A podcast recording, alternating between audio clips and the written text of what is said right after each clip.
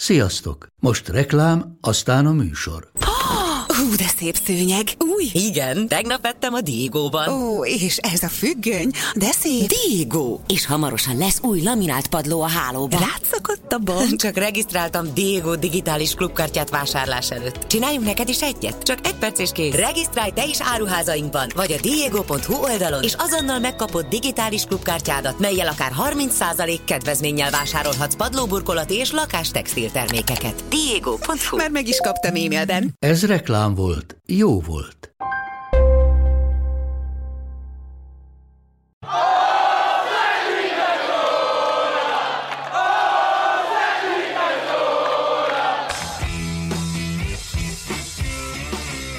Ez a teljes terjedelem. Magyarország első futballpodcastja Bamstart Tiborral és Haraszti Ádámmal. És ezúttal Berei Dánielt köszöntjük ismét nagyon nagy szeretettel köreinkben. Már beszélgettünk arról itt egymás között az adást megelőzően, hogy a harmadik alkalommal vagy nálunk, a harmadik helyszínen abszolút unikális személy vagy ilyen szempontból. Nem tudom, remélem érzed a megtiszteltetésnek a magasságát vagy a tekintélyét.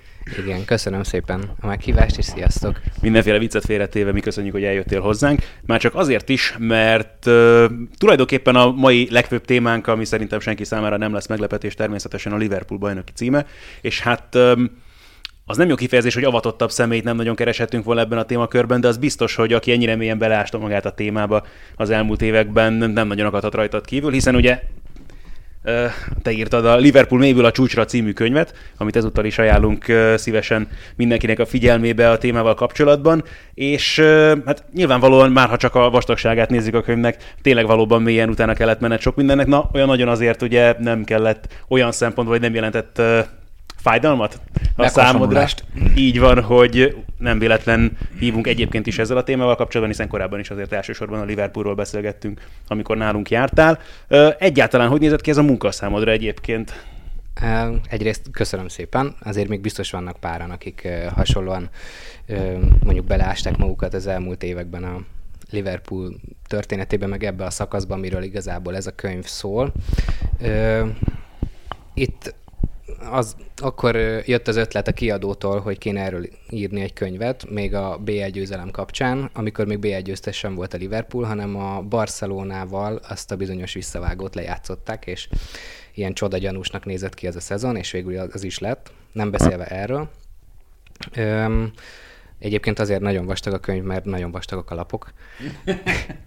Öm, van benne minden, történelem, van benne a, a gerince a könyvnek, az főleg az a, az a rész, amiről szerintem most is beszélni fogunk majd, a, a, a Klopp éra, illetve az FSG éra, amióta úgy igazából elindult fölfelé a csapat a csődből, igazából most már nyugodtan mondhatjuk, hogy a világ tetejére. Kezdhetjük egyébként valahol itt is szerintem a beszélgetést, mert ha már szóba került az FSG, ez is egy érdekes kérdés, hogy valóban Kloppéráról kell beszélni, vagy inkább FSG éráról, mert azért nekik is időbe tellett, mire megtalálták a megfelelő szemét. A kispadra viszont azért már előtte is látszott, hogy hogyan gondolkoznak, nem csak edzőkiválasztás tekintetében, hanem játékos kiválasztás, a klub felépítése, egyáltalán a stadion szó szerint felépítése például. Ugye szóval azért elég komoly változást jelentett a klub életében. Bocsánat, szerintem érdemes ott kezdeni inkább, hogy 10 évvel ezelőtt kezdődött, 10 éve októberben, ha jól emlékszem, ez a, ez a Fenway által már fémjelzett időszak, és ott azért nem volt teljesen derülátó a hangulat, ha jól emlékszem, hogy itt jönnek az amerikaiak, aztán mit fognak csinálni ebből a, ebből a klubból, és talán a Liverpool az egyike, vagy mondhatom, hogy az egyetlen olyan klub, ahol ezt komolyabb arcvesztés nélkül sikerült úgy megoldani a, a külföldi tulajdonosoknak, hogy most már negatívan senki nem beszél erről a hatalom átvételről. Hát, sőt, bocsánat, akkor csak annyit még hozzáfűzni, hogy nyilván az is nagyon fontos volt ebben a kérdésben, hogy idézőjelben tudták, hogy mit vesznek. Ugye a Fenway Sports Group a Fenway Parkról kapta a nevét a Boston Red Sox csapatának a legendás arénájáról, stadionjáról, és egy nagyon hasonló márkanév, ha úgy tetszik az Egyesült Államokban, hogy a Red Sox, mint a Liverpool Európában. Ö, arra a kérdésre válaszolva, hogy honnan kell kezdeni ezt az egészet, valószínűleg mind a kettőt vagy hát mindenféleképpen mind a kettőt meg kell említeni, mert az egész építkezés az onnan indult, hogy a csőd széléről kihúzták. Ugye volt két, korábban két amerikai tulajdonos, nem nevezném őket úriembernek, akik oda lökték a klubot ahova, és és amikor megjelentek az új tulajdonosok, valóban nem igazán lehetett tudni, hogy most ez csak egy ilyen játékszer lesz, vagy, vagy igazából minek, minek jönnek ide az amerikaiak Európába. De aztán hamar kiderült, hogy igazából azt az összes pénzügyi, statisztikai mm, tudást, amit ők ott felhalmoztak, azt elhozták ide, és igazából ez a kulcsa annak, ami a Liverpoolnak a felemelkedését elindította. És Klopp igazából az egyik olyan eleme ennek a, ennek a gépezetnek, amit ők kiszámoltak, ilyen csúnyán mondva. Az ő gépeik dobták ki azt, hogy ő lenne a legalkalmasabb arc, és aztán őket igazolja az is, hogy ez végül is bevált, és, és tényleg igazuk volt. Itt azt gondolom nem az arc elsősorban a kulcs, hanem inkább az agy meg a know-how, amit ő is hozott magával a csapat felépítéséhez. Hát szerintem mindkettő.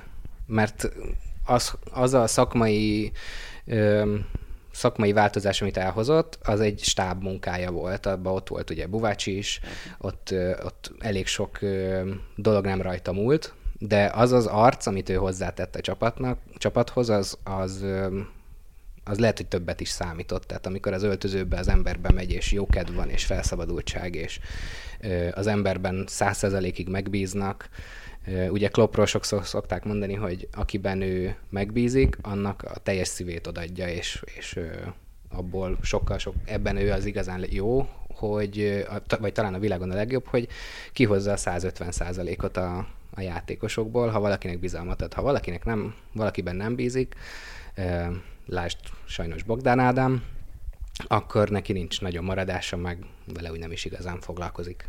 Igen, Ádi erről azért mesélt annak idején. Viszont ha már Buvács szóval került, azért is érdekes téma egyáltalán az ő szerepe ebben a klubféle csapatban, meg egyáltalán a Liverpool életében, mert szerintem azért sokan megijedtek akkor, amikor kiderült, hogy az ő útjai Jürgen Kloppal elválnak egymástól. Te hogy voltál vele?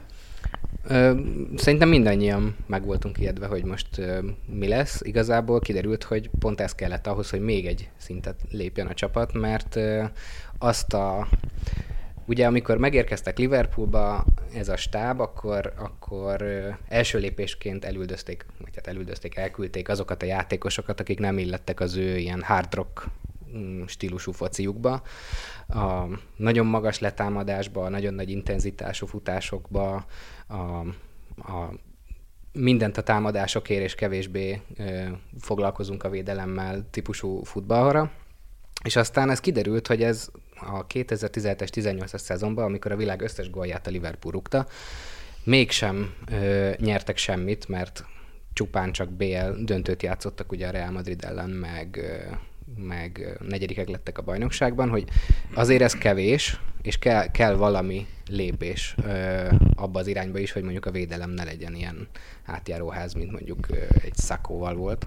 Igen, de mondjuk az a 2017-18-as szezon talán abból a szempontból is kulcsfontosságú, hogy akkor ment el szezon közben Coutinho, Igen. ami ö, legalább akkorát alakított itt a taktikán, meg az egyéb szempontokon, mint Buvács távozása.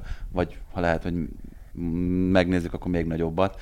Ugye onnantól kaptak például sokkal nagyobb szerepet a szélsővédők, amiről ugye ma azt mondjuk, hogy hogy ez a Liverpoolnak talán a leginkább a, a filmjelze, vagy a, legfontosabb erénye. Hát meg ugye abból a pénzből sikerült Virgil van Dijkot megvásárolni, akinek szintén nem elévülhető érdemei vannak, azt hiszem abban, amit elért a Liverpool az utóbbi években.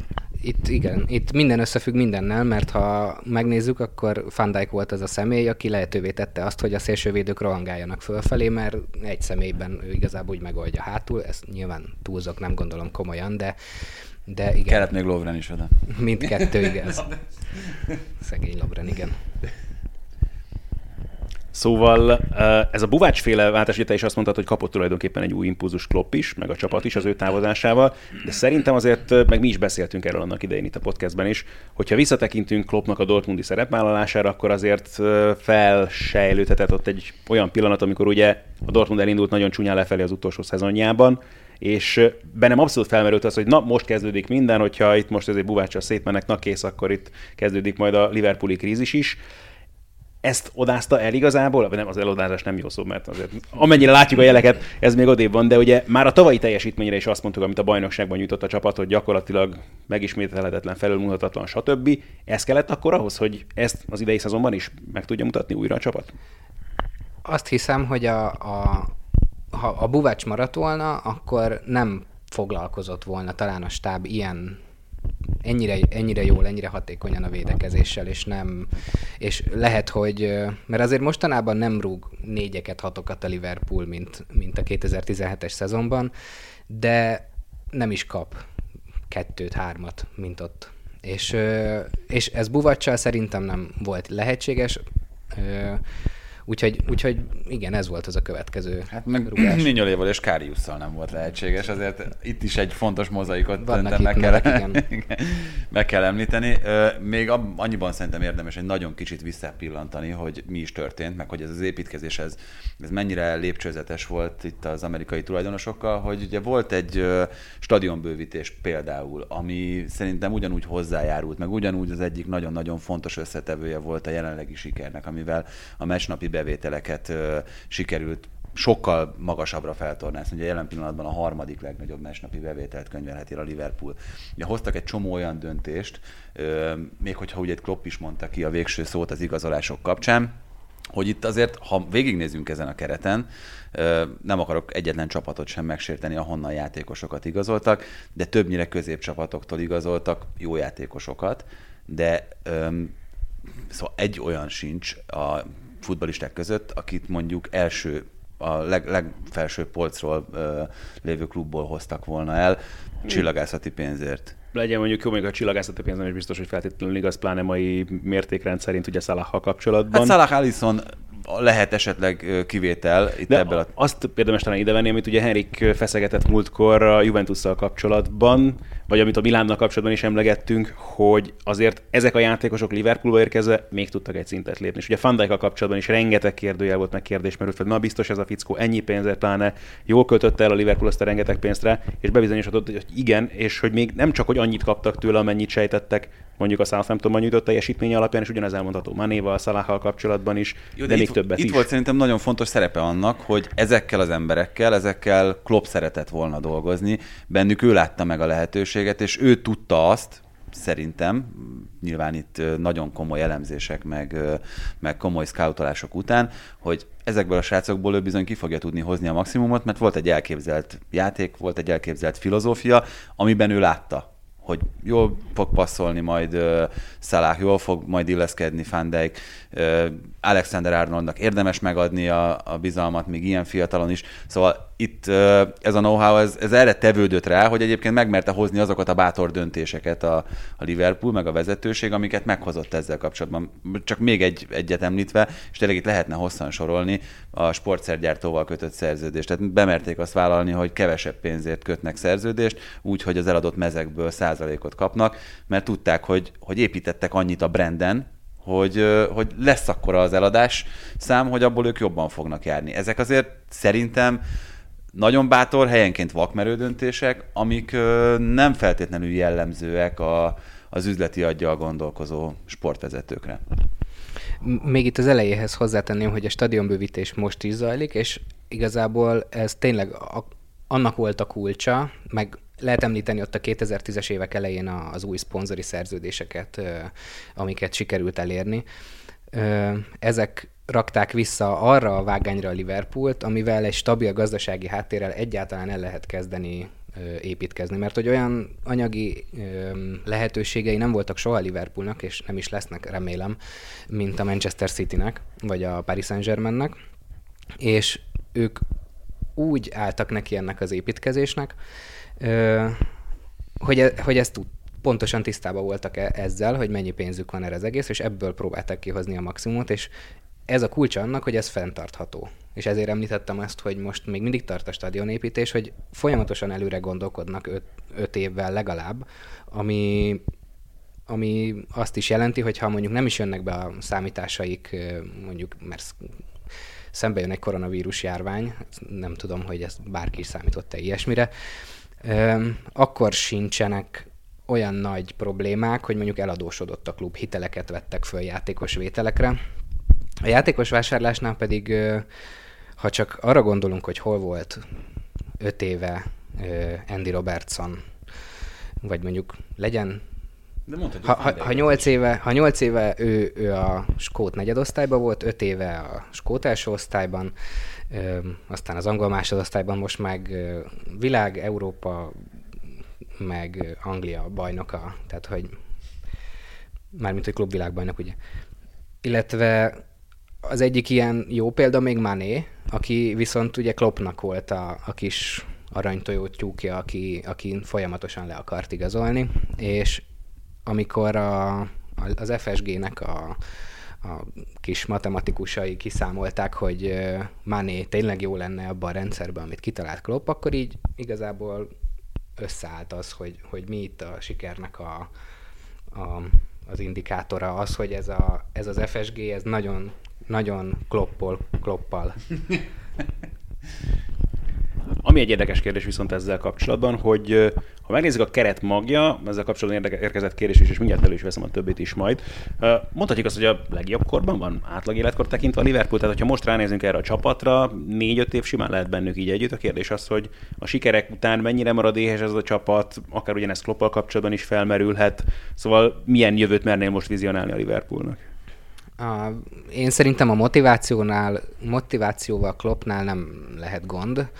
Én viszont azt gondolom, hogy egy kicsit már el kell gondolkodni a fi- fiatalitáson. Tehát, hogy ha azt mondod, hogy ideális a keretnek a, az életkora, meg így az összetétele, akkor, akkor igazad van, de talán ez már fél év múlva nem lesz így. Tehát, hogy már annyira a vég, vége az ideálisnak szerintem, hogy ugye a, a, az első hármas, ö, 27, 28, 29 vagy 20. Így van, így van. Valahogy így Hát vannak, igen, Van Dijk a 29-et tölti, ö, most azt hiszem egy pár héten belül. Ö, igazából 2-30 pluszos játékosa van, akik, akik mondjuk a kezdőcsapat környékén vannak, de én, én inkább azt gondolom, hogy tehát nem fiatalitásnak nevezném, hanem frissítésnek.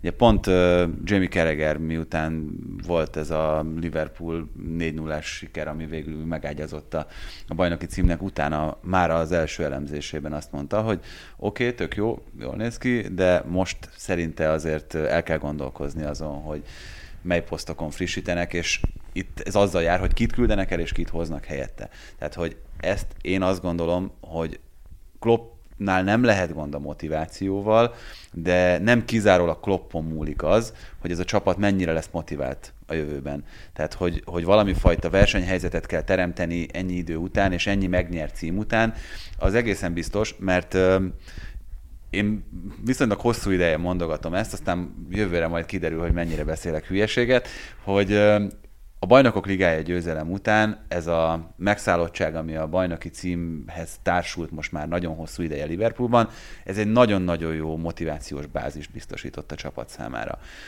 Ez, ez nem lesz. Tehát oké, okay, lesz az, hogy védjünk címet, meg milyen jó nyerni, és nem akarunk innen leesni, ugye ez a Fergusoni igazság, hogy amikor először megnyerte a, a bajnoki címet Angliában, akkor az az érzés töltötte el, hogy ezt ő mindig akarja.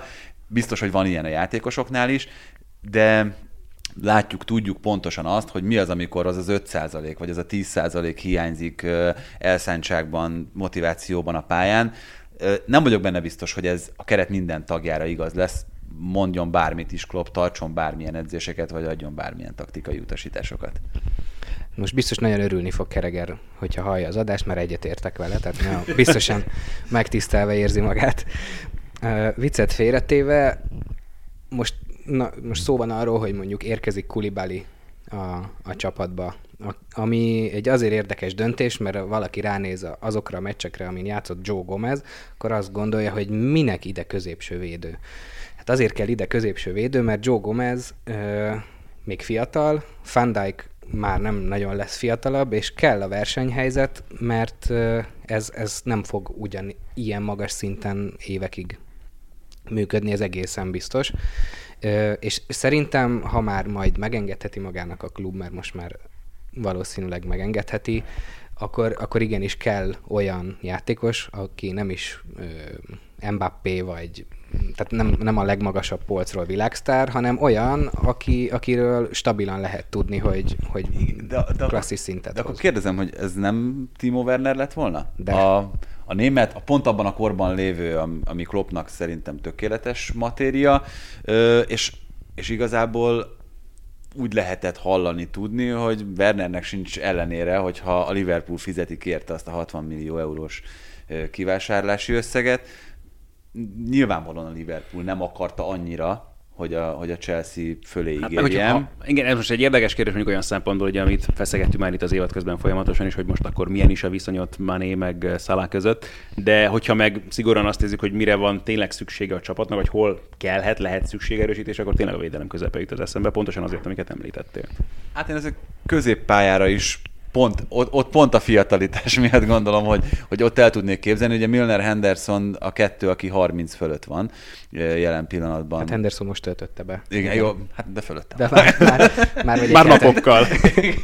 már Mankóval jár szegény, vagy Botta, nem, de, de az lehet az a poszt, ahol egyébként én azt gondolom, hogy próbálkozott is vele Klopp az elmúlt években, hogy olyan típusú frissítés érkezzen a csapathoz, ami valami újat hoz. Ilyen volt szerintem Fabinho és Keita meg leigazolásra Oxlade Chamberlain, Így van. üveglábú barátunk. Hát igen, ugye ő, ő azért nem tudta tökéletesen betölteni ezt a szerepet hosszú távon, mert viszonylag ritkán volt egészséges, de, de ebbe az irányba ment ez is, és ezt a fajta kísérletezést szerintem nem is fogja feladni Klopp, tehát hogy kellenek neki egyéb opciók is a, a középpályára.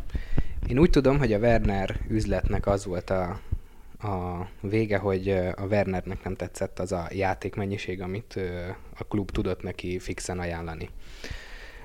Van az a mondás, volt régebben gúnyolottunk a, a vagy nem gúnyolottunk, igazából rajtunk gúnyolottak a Chelsea drukkerek, hogy amikor a, a Liverpoolnak a megfigyelői valahova mennek a reptéren, akkor ilyen újságot tartva így figyelnek a, figyelnek a Chelsea, játék, Chelsea megfigyelői, hogy hova mennek a Liverpooliak. Ugye Willian volt az egyik ilyen, akit lenyúltak, nem is tudom ki volt még, és hogy annyira annyira jellemző, hogy akkor kinézték a Timo Wernert is, lehet, hogy most nem leszek népszerű, a Liverpool szájából. egyetértek azzal, hogy, illetve én úgy gondolom, hogy a, a csatársorban nagyon kéne egy ilyen, mert hogy ez a hármas, ez nagyon működik, ez rendben van, de egyébként, hogyha már a hármasból kettőnek nem megy, akkor, akkor bajba van a csapat. Ez az egyik. A másik, hogy a taktikai repertoáron elég jót, ö, elég nagyot nyomna az, hogyha esetleg a 4-3-3 mellett a 4-2-3-1-ben lenne egy klasszikus, kiugratható, gyors center a Liverpoolnak, aki nem azt játsza, mint Firmino, hogy gyakorlatilag néha visszajön, elkéri Van Dijk-tól, és akkor osztogat, meg majdnem Alissonig visszamegy. Szóval kellene egy ilyen karakter, mert a Firmino, ő nagyon jó támadó középpályás már most is, és hogyha öregszik és kicsit hogy mondjam, kopik a sebessége, akkor meg végképp egy ilyen csatár mögötti visszavont éket kéne vele játszatni, és ezekből abszolút az adódik, hogy egy ilyen gyors csatára lenne szükség. Az jutott eszembe, hogy volt ilyen, tehát hogy a, itt ebben az időszakban benteke. Igen. csak, csak egy jó, tehát én azt gondolom egyébként, hogy ö, tökéletesen egyetértve azzal, amit mondtál, lehet, hogy kellene repertoárbővítés, de én azt látom, hogy, hogy Firminónak nincs igazán alternatívája jelen pillanatban. Tehát, hogy ha... De nem is nagyon tudsz mondani, most, hogy a körbenézel játék... a nemzetközi labdarúgásban, tehát mondja játékost, aki hasonló szerepet tölt be a csapatában, pláne ilyen magas szinten. De ez probléma. Ez abszolút, abszolút. Ö, ha Minaminót Firmino pótlására hozták, akkor azt szerintem egyelőre be kell látni, hogy, hogy őt még azért nagyon sokáig kell építgetni ahhoz, hogy, hogy ő ezt a szerepet be tudja tölteni, el tudja látni. Hát az összes, jó, nem az összes, de elég sok Liverpool játékosa volt így a kloppérában, hogy hát még nézzük, nézzük egy kicsit. Mondjuk Fabinho a legjobb példa erre, hogy azért ő döcögött az elején, legalább egy szezon kellett. Kejta még mindig néha döcög. Minamino ráadásul egy kicsit alacsonyabb, vékonyabb srác itt a Premier League-be bejött a darálóba, azért neki még szerintem hosszú idő kell, úgyhogy de, de egyébként a nevén kívül, hogy nagyon hasonlít a nevük, azon kívül én még egyelőre nem látom, hogy ő, olyan jó választás lehetne majd egyszer képességeit tekintve, mondjuk tényleg nem lehet összehasonlítani játékost Firminóval, ha a, az angol szó van rá ez a vision, nem tudom ezt, hogy mondjuk magyarul. Vízió. Vízió, oké. Okay. Bocsánat. Szóval a víziója... Szólja, hogyha valamit nem tudsz lefordítani. A víziója nagyon jó a pályán a Firminónak. Mert úgy érted, jól lát, vagy jól olvassa a játékot. Igen, igen, Igen. igen. Az abban, abban egyébként tényleg szinte egyedülálló. Öm, Volt egyébként egy kísérlete erre Kloppnak, nem most, hanem még az előző szezonban, a 2018-19-esben. Ott, hát most meg nem mondom, hogy hány meccsen, de szerintem 10-hez közeli a száma annak, amikor próbálkozott ezzel a 4-2-3-1-jel, úgyhogy Salah volt akkor a, a, leg, a kapuhoz legközelebb játszó ember, és mögé tette Firminót, és ugye akkor megcserélődött a két szélen játszó játékos is, ugye Mané húzódott át a, a jobb oldalra, Shakiri néha a bal oldalról, de ez, ez persze mind a kettő ö, móddal, el, vagy módon elképzelhető volt, de ez nem tudom pontosan miért, de ez zsákutcának bizonyult. Tehát, hogy ezt utána nem láttuk soha többet. Ö, talán azért, mert mondjuk Shakiri nem, ö, nem hozta azt a szintet, talán ami, ami, amit kinéztek belőle, meg talán nem kezdő szintű játékos, ő egy jó, jó csere. De hogyha azon a két szélen Salah és Mané lenne, és előttük, vagy középen egy Firmino, és előtte egy Werner, akkor én nem nagyon lennék az ellenfélben védő. Viszont ha már felmerült Krisztián Benteke neve, érkezett egy kérdés a teljes terjedelem Instagram oldalán keresztül lehetett ugye kérdezni tőlünk itt az adás előtt. Azzal kapcsolatban, hogy ki volt az számodra, akit leginkább szenvedés volt látni Liverpool mezben ebben az elmúlt, hát nem tudom, vegyük csak most itt az FSG-s hatalomátvételt követő időszakot. Ugye itt Sparring és John Josh Shelby neve merült még fel a kérdezőknél. Én Shelbyt nagyon szerettem. Ő egy igazi rockstar amúgy. Spearing, is. Spearing tényleg. Kritikán aluli játékot nyújtott sajnos a felnőtt csapatban. Most így hirtelen Polkon... Charlie Adam? Uh, Csorli Ádám. Hát ő egyszerre vett el a, a, igazából a, a csapat képéből és játékából hatékonyan, de nekem most itt Paul Koncheszki jutott eszembe, Ú. akin, akin fáj, egyszerűen fáj kimondani a nevét is. De voltak itt jó játékosok, mint Pulzen, meg Aquilani egyébként, aki jó játékos volt, csak nem játszott jól. Hát így őket mondanám. Hát meg egyébként még, még egyetlen dolog, és uh, szerintem ez, ez teszi teljessé itt a Klopp víziót, meg a Klopp elképzeléseket arról, hogy, hogy hogyan is képzel el egy jó csapatot. Ugye azon nagyon sokan megütköznek azon a mondatán, még a mai napig is, hogy nem elég jó az angolja ahhoz, hogy kifejezze, hogy mennyire kevéssé lett volna eredményes Lallana nélkül. Anélkül a Lallana nélkül, aki szerintem tíz alatti alkalommal volt kezdő az elmúlt két évben. Tehát, és szerintem itt kell keresni azokat a nagyon fontos részleteket, amik a sikerhez vezetnek, hogy azt azért nagyon sokszor elmondta, hogy ő az öltözőnek, meg a közösségnek egy rettentő fontos alakja. Olyan edzésmunkát végzett, amivel mondjuk példát tudott mutatni azoknak is, akik a, az edzésben nem a legnagyobb menőnek számítanak, de itt ugye ebben nagyon sokan megemlítik még Van Dijket, Wijnaldumot, tehát hogy voltak olyan játékosok, akik folyamatosan tudták húzni magukkal a, a többieket, és ők nem feltétlenül, bár mondjuk kettő szerintem egészen kiváló másik játékost említettem, Lálánán kívül, de, de nem feltétlenül a pályán mutatott teljesítményük volt a leglényegesebb. Abszolút. Egyébként most hirtelen eszembe jutott még Balotellit nagyon. amekkora, ö, amekkora elánnal vártuk őt, hogy na hát, ha majd itt meg, megjavul, majd a Rogers, hát ha. Hát kínszenvedés volt szegényt látni. A Lambert, Balotelli, ö, ki volt a harmadik abban a csatársorban? Lambert, Balotelli, Borini. Borini, hú. Fú, Hát ezzel szerintem a másodosztályt sem biztos, hogy meg lehetne nyerni. Na mindegy. Ö, Csak még így eszembe jutottak nevek.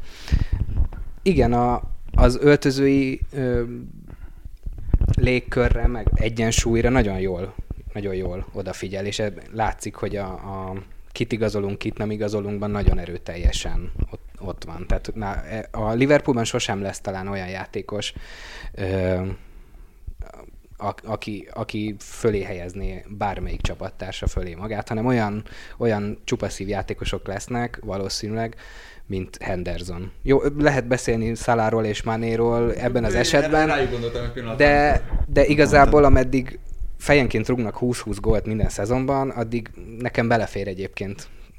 Biztos most ők is örülnek, ha ezt hallják, hogy nekem belefér. Hogy, hogy azért néhány helyzetet így ellazsálnak, meg előnzőznek.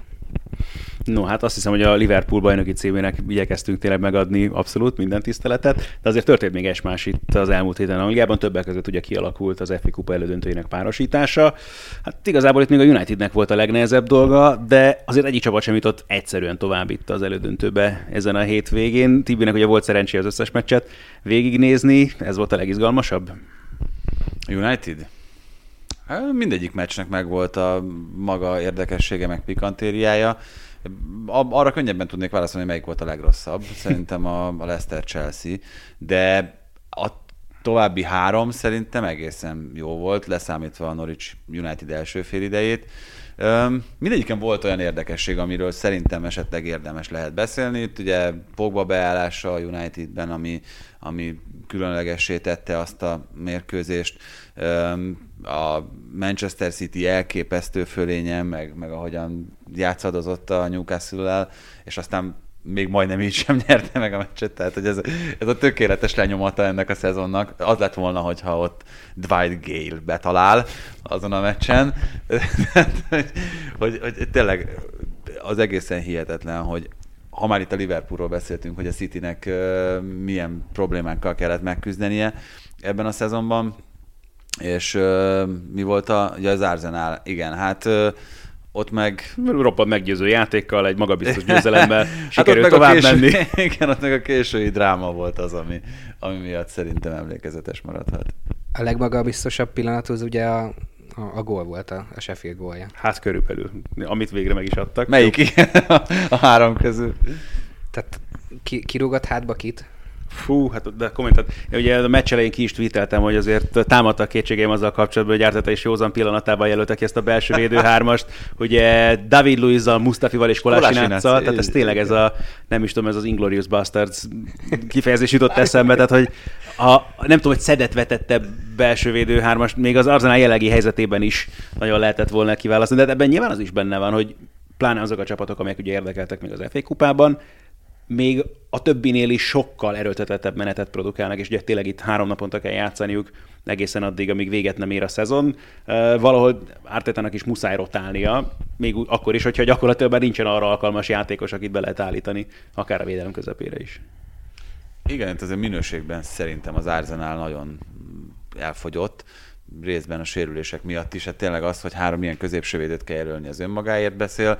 Az, hogy ugye azzal, hogy most Genduzi, Genduzi büntiben van, azzal, hogy ott is nagyon-nagyon vékonyak, bár nagyon tehetséges fiúnak tűnik Vilok, de hát azért az, hogy egymás után kétszer tényleg három napon belül a Jaka Vilok kettőssel álljál föl, az, az szerintem egy elég, elég meleg ö, döntés. Ugye Özil megint csak büntetésben van, tehát hogy akkor, akkor, akkor kire tud építeni Ártétá? Nagyon-nagyon vékonyak a lehetőségei, meg nagyon kevés opcióból válogathat, és hát ez, ez azért látszik is szerintem a meccseken. Nagyon nehéz elképzelni azt egyébként, hogy az, ezek az ügyesnek tűnő fiúk, mint amilyen Vilok meg Saka, ők, ők ilyen terhelés mellett majd, majd igazán tündökölni fognak, mert, mert, mert ennyire fiatal, tehet, vagy rutintalan játékosokat, ez már szerintem sokszor bebizonyosodott, hogy nem így kell felépíteni, hogy, Hogy így feltétlenül nem lehet felépíteni. Hát igen, nem is, nem is valószínű, hogy lehet, hogy akkor egy Arsenalnál, egy nagy klubnál óriási elvárások közepette bedobsz bajnokságban, FA kupában, minden sorozatban ilyen fiatalokat, és akkor ti mentsétek meg valahogy azt a szezont, amit már nem lehet megmenteni. Ez szerintem, szerintem egy Hát egy módon lehet megmenteni, ugye megvan most már az elődöntő párosítása, United, Chelsea és Arsenal, a Manchester City-t. City. Igen, hát hogyha sikerül döntőbe jutniuk, meg hát igen, tehát azért, hogyha a táblázatra nézünk, reális esélye nem sok mutatkozik jelenleg az Arsenalnak, hogy a bajnokságban kiarcolja akár még csak ugye az EL szereplés sem. Szóval kicsit úgy néz ki, hogy Artetának azért elég sok mindent fel kéne tenni arra a City meccsre először, aztán meg a döntőre, ha eljut odáig. A, nekem eszembe jut egy tíz évvel korábbi csapat, a, a Liverpool.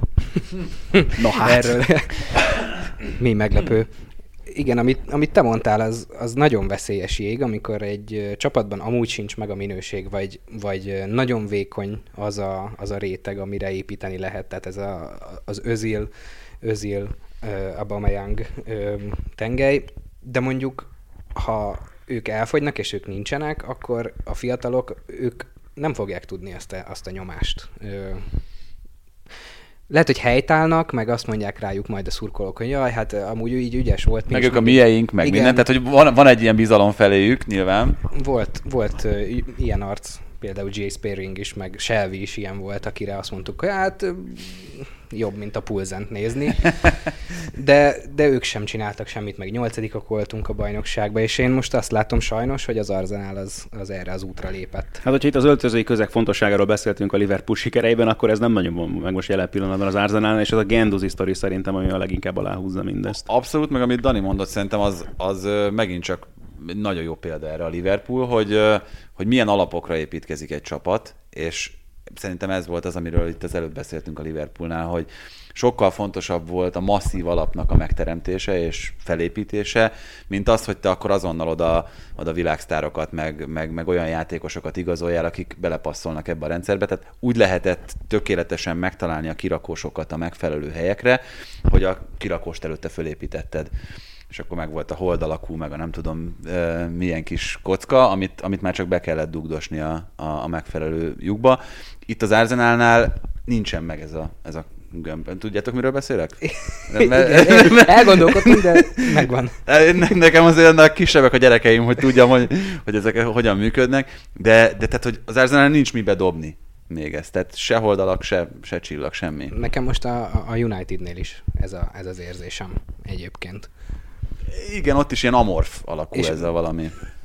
és nem akarom, hogy ilyen álszentnek tűnjön, de, de sajnálom egyébként, mert hogy a, ö, éppen akkor, amikor a, a City és a Liverpool ilyen szintű, ilyen minőséget képvisel, akkor lenne még jó, hogyha lenne mellettük még három-négy ilyen csapat, és tényleg Big Sixről beszélnénk, nem csak név alapján.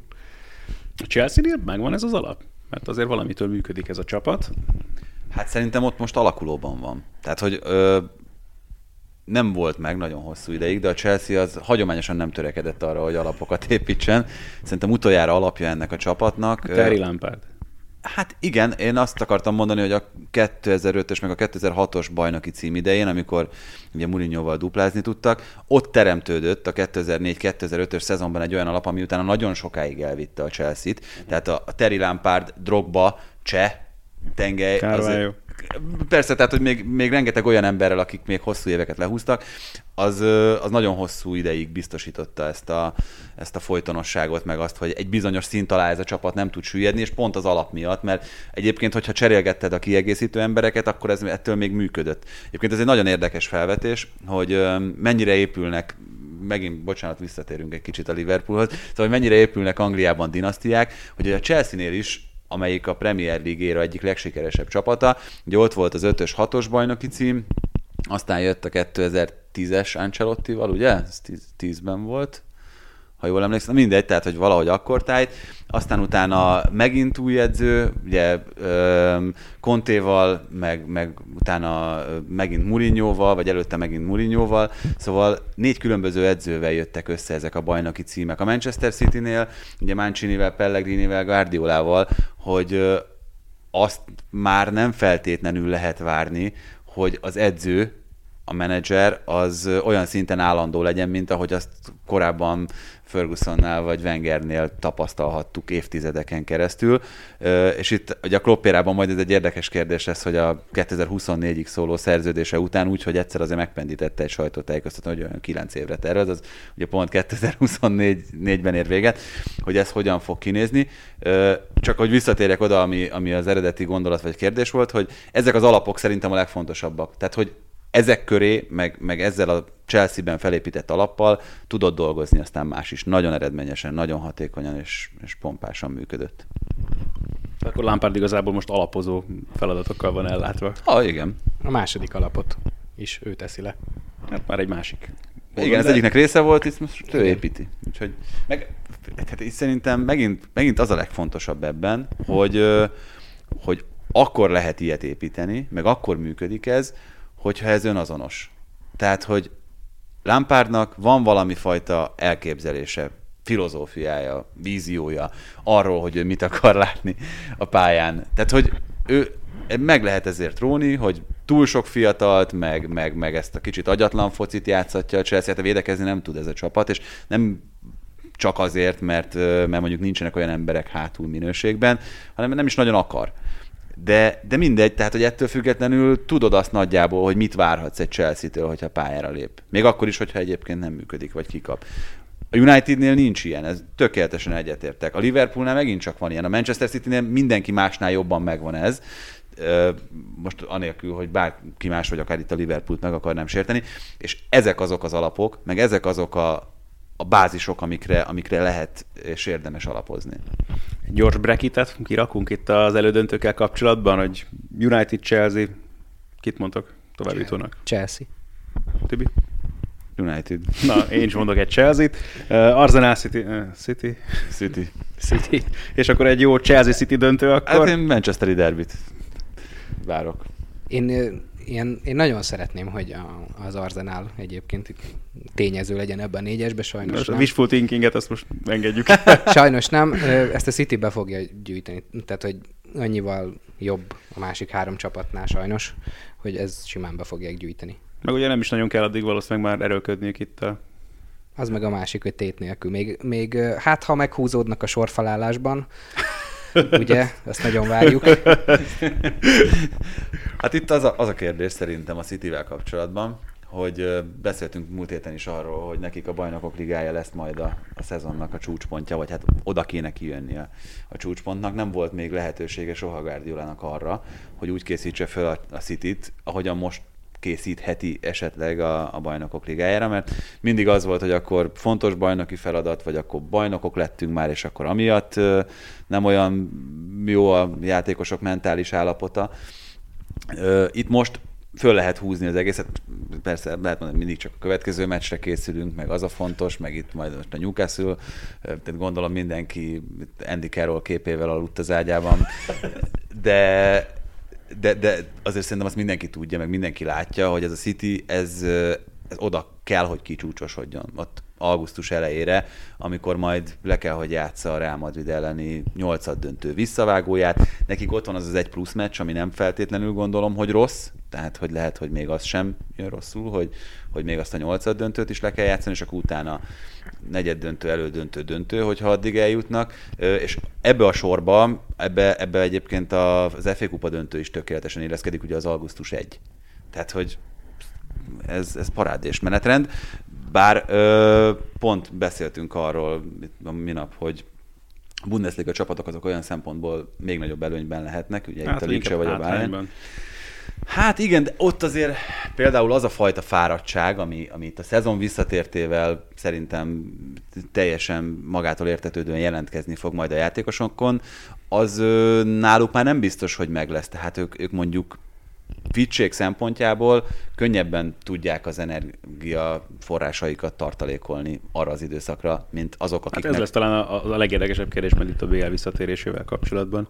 Viszont amiről nem beszéltünk még a múlt héten, mert hogy még ugye pontosan az adásunk felvétele után játszották az Atalanta Láció mérkőzést a szériában, aminek ráadásul itt még a bajnoki cím szempontjából is lehet fontos szerepe, és hát hogyha itt beszélünk arról, hogy csapatokra milyen hatással volt a szünet, hát úgy tűnik, hogy ez az Atalanta pont ugyanolyan, mint volt itt a szünet előtt, 2 0 hátrányból a Láció ellen, Ilicsics nélkül. Hát igen. Ö, Pedig nagyon jó az a Láció. Nagyon, de hát az Atalanta is. hát ez szenzációs meccs volt, nem tudom, láttátok-e, vagy... vagy ö, Én csak az összefoglalót. Fú, pont olyan, amilyet az ember várt egy, egy ilyentől. Az összefoglaló alapján nem olaszos meccs volt. Az Atalanta meccsei nem is azok szerintem Hát, ebben a szezonban. Én azt mondom, hogy a régóta nem élnek ezek a sztereotípiák, de, Ha, ha, ha. Hát azért az a Juventus Lecce 4 0 is de az a Juventus, tehát hogy az, el lehetett aludni. Az biztos, hogy az Atalantával kapcsolatban bármiféle sztereotípiát felállítani nagyon nehéz. Figyelj, Gasperini csapatokkal szemben Hm. soha nem élt az olasz sztereotípia, a Genoával szemben sem, csak a Genoa nagyon szar csapat volt. meg, meg minden évben újjá kellett építeni. Tehát, hogy az, az ott, ott pont nem működtek azok, és amit itt egyébként, a, bocsánat, hogy állandóan a Liverpoolhoz térek vissza, semmi. az az Atalantánál nál szerintem ugyanígy van, csak hát nyilván pár szinttel lejjebb, hogy hát ha azt mondtuk, hogy közép csapatokból szedték össze ezt a Liverpoolt, és ott váltak aztán jó játékossá, hát az Atalanta esetében hulladékokból szedték össze, és ott, vált, ott A váltak mai jó napig nem tudja senki, hogy ki kicsoda abban a csapatban. A Papu hát, Gomezen kívül. A Papu Gomezen kívül, akit, akit Ukrajnából igazoltak vissza, tehát hogy, hogy meg, meg hát most az a baj, hogy nincs itt előttem, de tényleg a következő adásra szívesen összegyűjtöm, hogy, hogy kit a kezdő csapatba honnan igazoltak. Hát elképesztő. Olyan csapatokból, amikről soha senki nem hallott.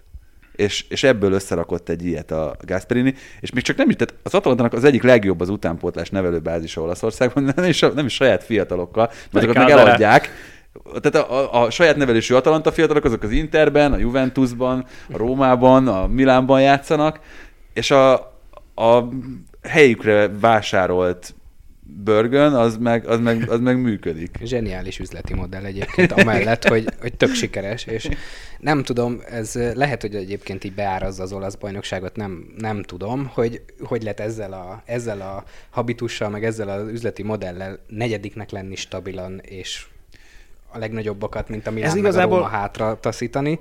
ha most nem akarok pikírkedni, mert szoktam eleget nyilván az olasz focival kapcsolatban, de azért úgy tűnik, hogy tényleg van legalább egy üzleti modell, vagy va- valamilyen modell van az Atalantánál, és ezzel a bajnokság jelentős részénél már többet tudnak felmutatni, nem?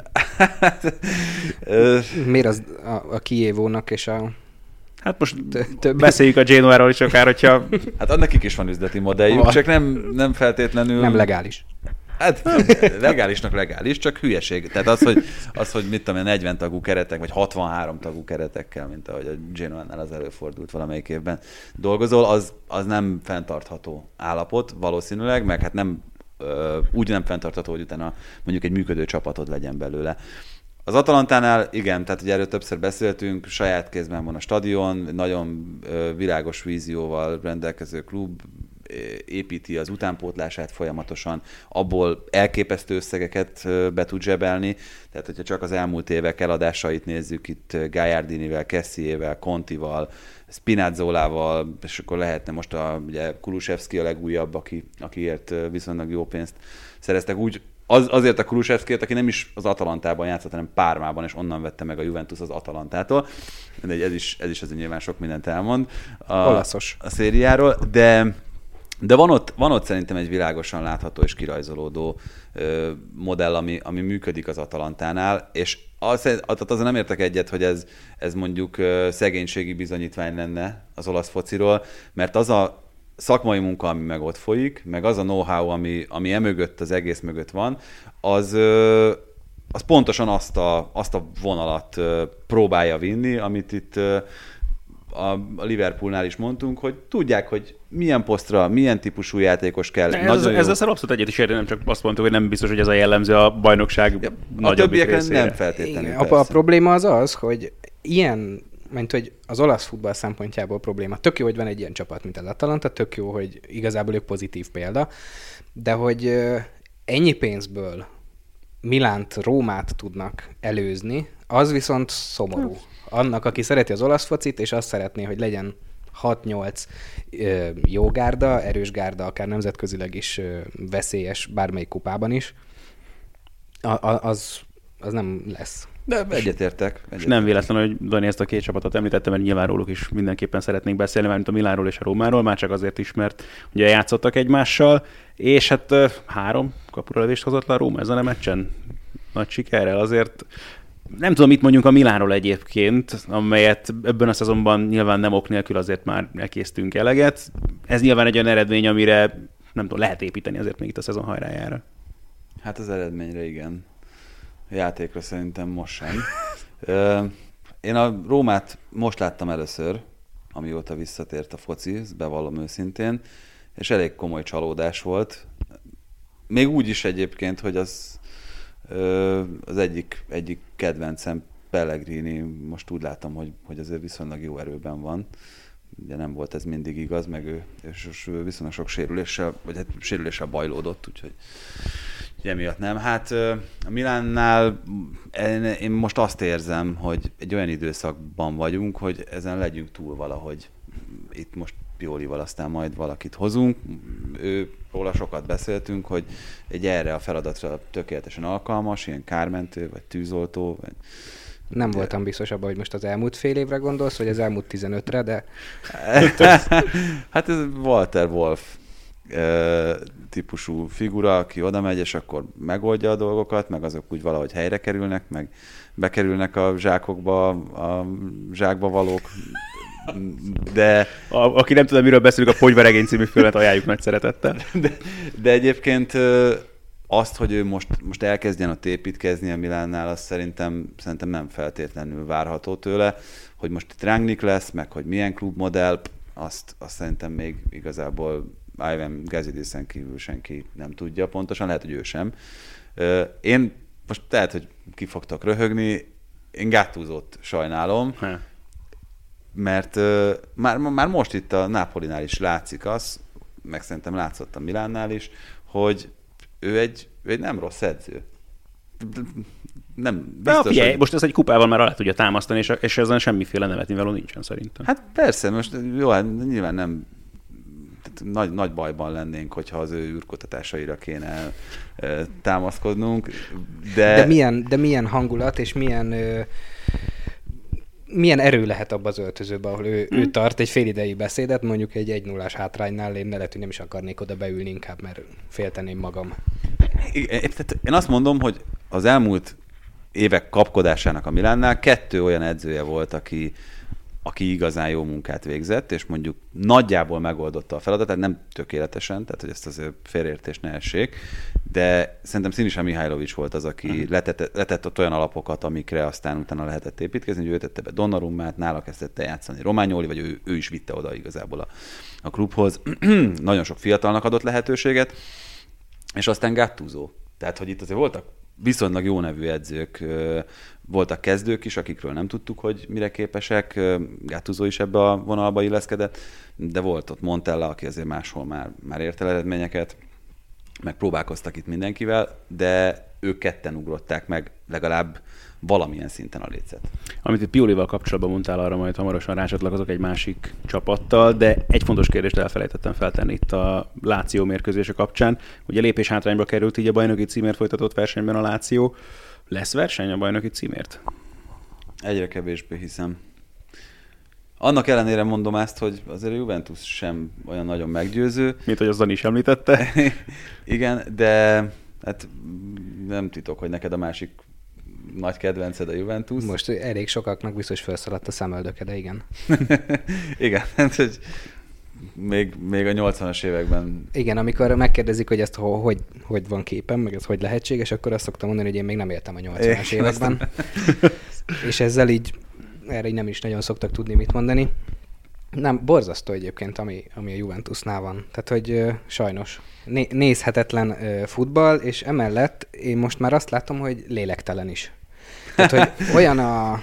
Ö, olyan, tehát Szeretem- sétáló játékosok, Szeretem hallgatni a Juventus szurkolókat, de most azért, mert vezeti a Juventus magabiztosan a tabellát, nőtt is az előny, a 11-esekkel elbukta a kupadöntőt, és ott van még versenyben a bajnokok ligájában, így így egy, tehát úgy, te is úgy beszélsz róla, most nem, tehát értem, hogy miért, te is úgy beszélsz róla, mint hogyha egy, egy halom hulladékról. Azért, igen, erre tényleg nehéz mit mondani, meg, meg sarokba szorítottál, mert, mert én sem szeretem azokat a szurkolókat, akik nyavajognak, így nem jó a játék, úgy nem jó a játék, aztán közben tíz bajnokság lesz most már zsinórban, de, de valahogy most már úgy néz ki ez az egész, hogy, hogy annyira akarjuk elveszíteni, és mégse sikerül a bajnoki címet. Most már másfél éve, vagy, vagy kettő éve biztosan így tűnik ez a keret. És szerintem egyébként pont akkor voltam nálatok utoljára, amikor a Ronaldo projektről beszélgettünk uh-huh. a Juventus kapcsán.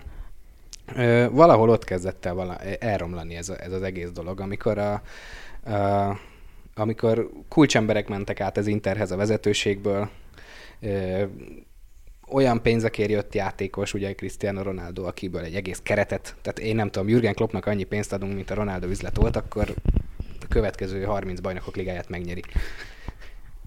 Nyilván túlzok. De hogy én, én csak ezért ny- nyavajgok, mert tényleg ne, most már azt látni, hogy nagyon akarja elrontani a Juventus ezt a bajnoki címet, csak a többiek még, még jobban akarják elrontani.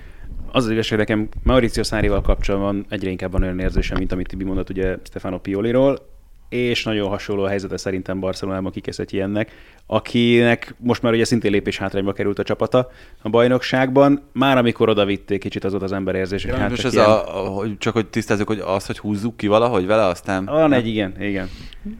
Nem vagyok ebben biztos, de bocs, fejezd be csak. Nem, majd aztán át akarok kötni igazából a spanyol bajnokságra, csak nem tudom, hogy ezzel kapcsolatban mit gondoltak egyébként, mert akkor is volt ilyen érzésem, amikor Szárit szerződtette a Juventus, de most meg egyre inkább ez az érzésem. És nem azért, mert hogy ezek voltak mindenképpen a klubnak a szándékai, csak hogy nagyon így alakul. Szerintem most ez a dolog. Hát ha arra gondolunk, hogy nem tudom, hanyadik aranylabdáját szerezte Cristiano Ronaldo, amikor Mauricio Sarri az Empoli U19-et edzette, vagy U17-et, és akkor elmondjuk, Ezzel hogy- magában nem lenne szerintem probléma, mert Hát, hogyha Szári közben aztán nyert volna két BL-t, meg nem tudom, a többi csapatával, tehát hogy mondjuk Mourinho-ról sem hallott, lehet, nem sok mindenki hallotta a 2005-ös így mainstream futball közegben a 2005-ös BL döntő előtt, vagy 2004-es Négyes. BL döntő előtt. De akik Ö, nézték az UEFA kupát, ez előző.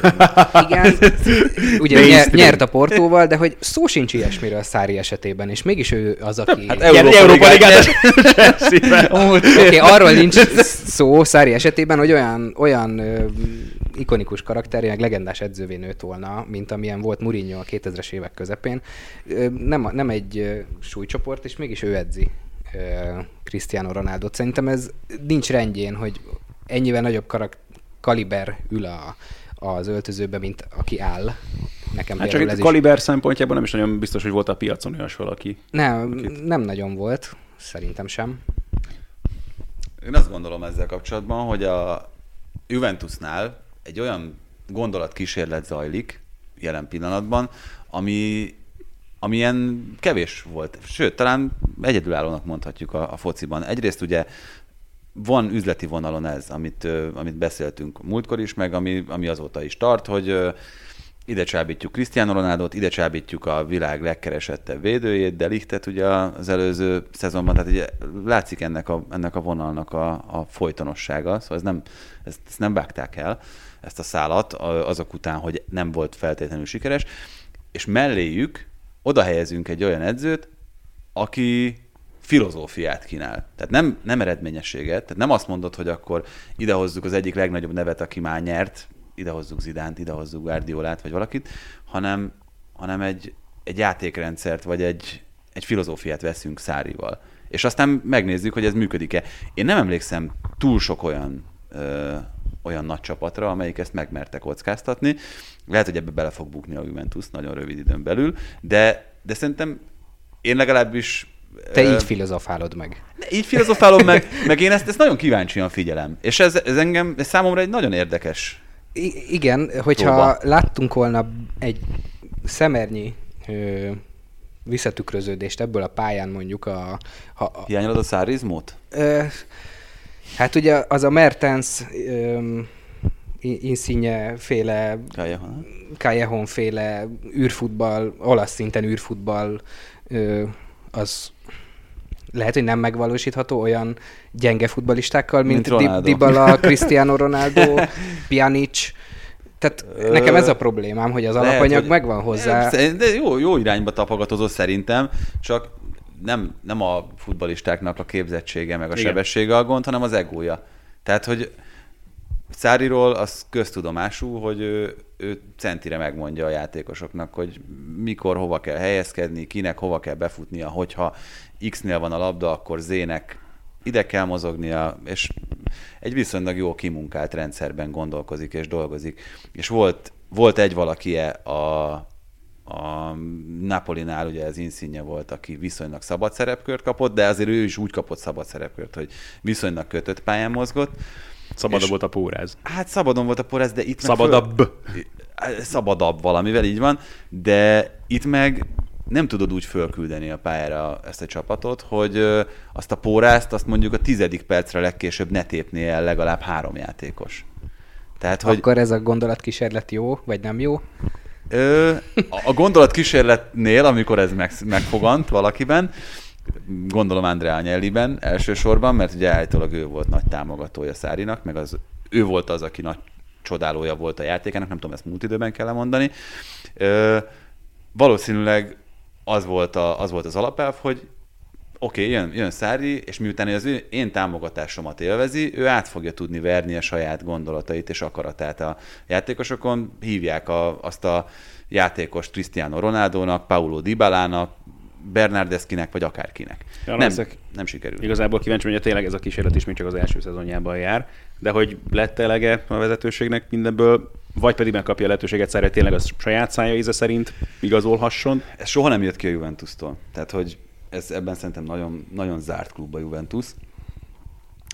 Marasok idióta találgatást lát napvilágot minden szezonban azzal kapcsolatban, hogy hát figyelj, Allegri 2015-ben volt az a szezon, amikor a két vereséggel indított. 12 volt, mint a öt forduló után, meg, meg nem tudom, és akkor már ott elkezdtek cikkezni arról az újságok, hogy, hogy hát na, Allegrinak akkor most vége, és mehet, és ne is lássuk. Allegri out. Igen, igen, és akkor utána egy évvel meg bajnokok ligája döntő, meg nem tudom, meg, meg mindent megnyert, amit meg lehetett. Szóval ö, nem úgy ismerjük a Juventus, mint aki, aki kapkod, és akkor most ilyen pánikból elkezd, elkezd vagdalkozni. Se játékos politikában, se edzővel. Nem, a, a problémát azt, az jelenti, vagy amitől mi igazából így félünk szerintem, hogy oké, okay, hogy türelmesek vagyunk, meg adjunk akkor Szárinak időt, csak Cristiano Ronaldo nem lesz fiatalabb, a bankszámlán ugyanúgy ö, 100 millióba kerül évente, tehát hogy igazából ez, ez nem túl fenntartható ez a modell, ha azt nézzük, hogy, hogy időt akarunk adni az edzőnek. Hát én azt gondolom, tehát ez a modell, ez meg most, és akkor tényleg most már átkötök a Barcelonára, meg a Real Madridra, ez arra, ahhoz kell, meg ahhoz kellett valami ilyen fajta lökés, meg egy ilyen fajta invest- investíció, mert pont amit Henrik mondott azzal kapcsolatban, hogy kikhez akar tartozni a Juventus, ahhoz, hogy mondjuk szintet lépj, ahhoz ilyen befektetések szükségesek. A Real Madridnál meg a Barcelonánál ez hosszú évek óta nagyon jól működik, a Real Madridnál sokkal jobban, mint a Barcelonánál például, hogy azokat a játékosokat, akikre már nincsen szüksége a klubnak, azokat valami olyan áron adják el, hogy, hogy kiráz a hideg tőle, tehát hogy hogy James Rodriguezért még hogy tudnak ennyi pénzt lehúzni, meg, meg, meg az összes onnan eligazoló játékosért, Iguain is egyébként ebbe a vonalba illeszkedik. Egy, egy cserejátékost Jó, adtak el 80 vagy 60 millióért akkor. 80. Hát, szóval elképesztő. Ez olyan És, és lehet, bocsánat, a Juventusnál is szerintem ez, ez lehet valahol a végcél, hogy olyan magasan tartsanak minket számon itt a, az üzletéletben, hogy aki tőlünk igazol, az azt gondolja, hogy innen csak minőséget vihet. mint ahogy most teszi a Barcelona. Egy kiöregedő Pjanicsel. Már említettük a múlt héten is, ugye már hátrányban volt a Barcelona, akkor még csak ugye az egymás elleni eredménnyel a bajnokság élén, most már ugye ez pontban is mérhető, és ugye Szetjénnel kapcsolatban abszolút megvan ez az érzés, amit itt pedzegettem, Piolival kapcsolatban említette Tibi, én ugye mondtam, hogy Szárival is vannak hasonló érzéseim, de Szetjén esetében teljesen egyértelmű, és ugye pont ma vagy tegnap jelent meg ugye ez a Csa- Xavi interjú, amiben arról beszél, hogy hát igen, ő szeretne majd nulláról kezdve tiszta alapokkal indítani, és visszajönni a Barcelonához, ugye elnökváltás, vagy elnökválasztás is lesz a klubnál. Tehát igazából nem sok minden adott ahhoz egy ilyen számára, hogy nyugodt körülmények között tudjon dolgozni, és akkor most egy hátrányba is kerültek a Reállal szemben. Nyilván korai még arról beszélni, akkor innen lehet-e visszaopni a Barszának a bajnokság élére, de azért nem néznek ki jól a dolgok a számukra. Én mondjam? hát igen, Csavi kézenfekvő megoldás lenne, és szerintem ugye Setien személyében olyan edzőt választottak, aki feláldozható, hogyha, hogyha ez szükséges, majd a szezon végén ez szükséges lesz, tehát hogy abban majdnem biztosak lehetünk, hogy, hogy nem feltétlenül vele fog folytatódni, vagy, vagy újjáépülni ez a Barcelona. A Barcelonánál ott szerintem sokkal sürgetőbb az a kérdés, ami, amiről itt beszéltünk, hogy, hogy hogyan épüljön újra ez a csapat, hogy hogyan fiatalítsák meg, mert ott addig, ameddig, ameddig Messinek ekkora befolyása van, ott nem feltétlenül lehet kizárólag tisztán szakmai döntéseket hozni. Én nem látom, nem látok bele a Barcelonába, meg nem igazán követem, de nekem amikor úgy nagyjából oda kapcsolok, vagy egy kicsit így ö, látom őket, akkor nekem az az érzésem, hogy mint hogyha ez a csapat így az elmúlt 20 évhez képest, vagy 15-höz, ami ugye nagyon sikeres volt, mint hogyha egy kicsit így veszítene az identitásából. És hogy most már legalább szükség lenne egy olyan arcra, ugye nagyon szeretik a klubok volt játékosokat edzőnek kinevezni, hogyha valahol, valahol akkor Barcelonában adottak olyan arcok, akik mondjuk tíz évig voltak a világ egyik legjobb csapatának tagja Barcelona színekben, és, és szerintem ez ilyen, ilyen romantikus is valahol. Úgyhogy igen, én is egyetértek ezzel. Bár tényleg mondom, nem sokat láttam őket. Igen, itt most amióta elkezdődött a, az angol bajnokság is, azóta nagyon kevés spanyol meccset nézek ahhoz, hogy mondjuk hogy jobban elmélyüljek itt a Barcelona meg a Real Madrid ügyeiben, úgyhogy én is kicsit így csak kapargatom itt a, az ezzel kapcsolatos kérdéseket, de, de azt gondolom, hogy most a Real Madridnál ez jobban néz ki, ez az újjáépítési fázis, vagy hogyha újjáépítésről beszélünk, és annak szükségességéről, mint a Barcelonánál. És elképzelhető, hogy mondjuk itt az újraindulás után ez az, ami az eredményekben is megnyilvánul. Gondolom, hogy azért itt a német bajnokság utolsó fordulójával se nagyon ment fel a vérnyomásatok, meg izgultatok azon, hogy milyen eredmények fognak születni, még akkor sem, hogy ugye voltak azért még nyitott kérdések, bajnokok ligája indulás, direkt Európa Liga kvalifikáció, de ami igazán érdekes volt ugye az a bent maradók meg az osztályozóért harcolóknak a személyek kérdése, a Bremennek ugye ezt legalább sikerült kiharcolnia, és hát gondolom, hogy HSV meccseket sem nagyon nézegettetek az elmúlt két évben, inkább arra lennék kíváncsi, hogy arra gondoltatok volna akkor, amikor a Hamburg kiesett, nem hogy nem fognak azon azonnal visszajutni, de hogy három évet legalább a másodosztályban kell tölteniük. Amiben azon nagyon érdekes, hogy az utolsó fordulónak úgy vágtak neki, hogy abszolút nem, nem volt teljes mértékben saját kezükben a sorsuk, mert arra szükségük volt, hogy a Heidenheim ugye vereséget szenvedjen a Bielefelddel szemben, amelynek már ugye nem volt tétje, az utolsó fordulónak már bajnokok voltak, viszont nagyon jó kapcsolatot ápol a két klub egymással, és hát meg is verték ugye ők hazai pályán a Heidenheimet a záró meccsükön, így adott volt a lehetőség a HSV-nak, hogy hazai pályán kiharcolja legalább az osztályozót, ez képest egy 5-1-es zakóba sikerült belefutniuk az Anthausennel szemben, az elég egyértelmű, hogy valami nagyon nincs rendben Hamburgban, és tényleg egy ilyen nagymúltú klub, hát eleve azt hiszem a Nottingham az egyetlen rajtuk kívül, amelyik volt beggyőztesként jelenleg nem első osztályú csapat, majd lehet, hogy a Villa is megy még utánok itt a szezon végén, de azért tényleg, hát fájó legalábbis tényleg ezt tapasztalni, hogy egy ilyen multiklub, ilyen lehetőségekkel rendelkező klub azért mégis Németországban egy nagyon komoly gazdasági erővel rendelkező országban, stabil gazdasági lehetőségekkel egy ilyen városban, mint Hamburg, ezt tudják összehozni. Aranylabdással, ugye? Mármint volt egy aranylabdás. Hát volt, persze, hallja. Hát ugye, nem, nem most van aranylabdás. Hát, amikor Kevin igen, Sandhausen elleni 5-1 után. Igen, nagyon elkezdtem gondolkozni, várj, mire le, de elkezdtem pörgetni a fejemben a HSH keretét, de nem jutottam messzire. Nem. De... van egy, ezt jól láttam, van egy Zsuzsák nevezetű játékosuk a középpályán? Zsuzsiák? Vagy valami? Hú, van egy-két nagyon érdekes nevű játékosuk egyébként. Ugye volt itt ez a sztori most ugye... Meglepődtem, hogy végül a Zsuzsit mégis elvitte egy német csapat.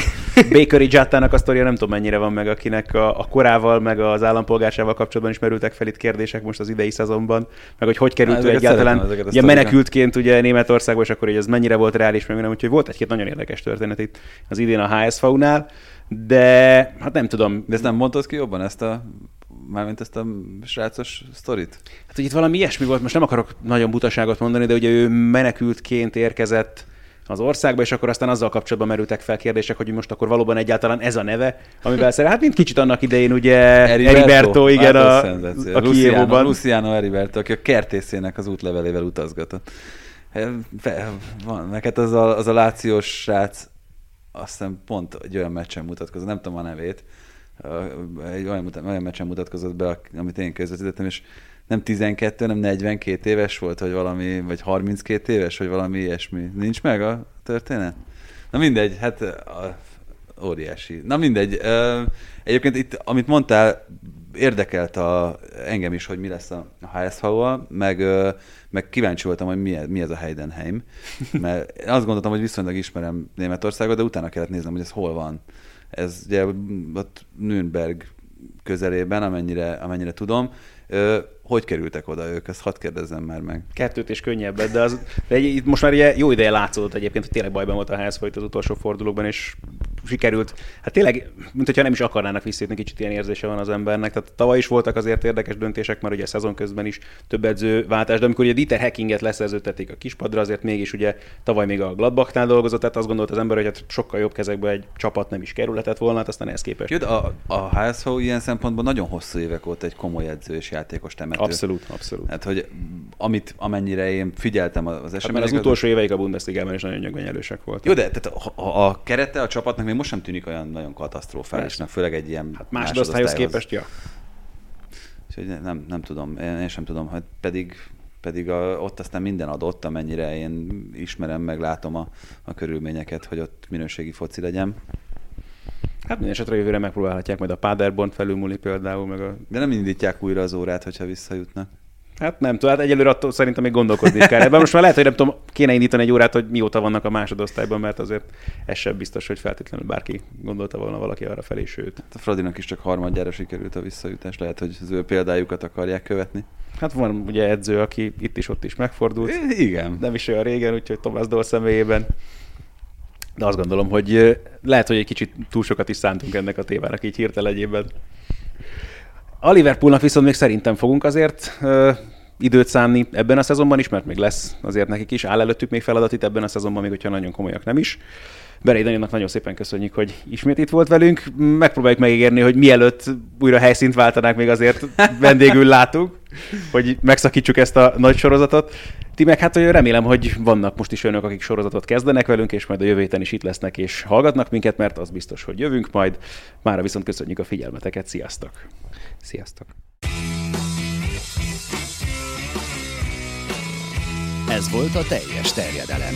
Magyarország első futballpodcastja Bamstark Tiborral és Haraszti Ádámmal.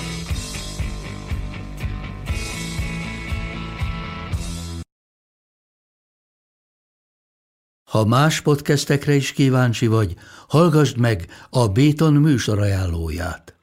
El tudod képzelni, hogy a podcastet, amit éppen most hallgattál, fél év múlva már a mesterséges intelligencia generálja? Mi sem. De ha érdekel, eljött már a gépek lázadása. Hallgass bele az Embertelen podcastbe. Orsós Lajos vagyok, a műsor házigazdája. Egyelőre még élőben. Egyelőre. Fedezzük fel együtt, hogyan ismerkedik, randizik, mesél és vitatkozik Betty és Péter, két teljesen mesterséges intelligencia. Lajos, a podcast címét mond még egyszer, Léci. Oké. Okay. Embertelen podcast. Ez a műsor a Béton közösség tagja.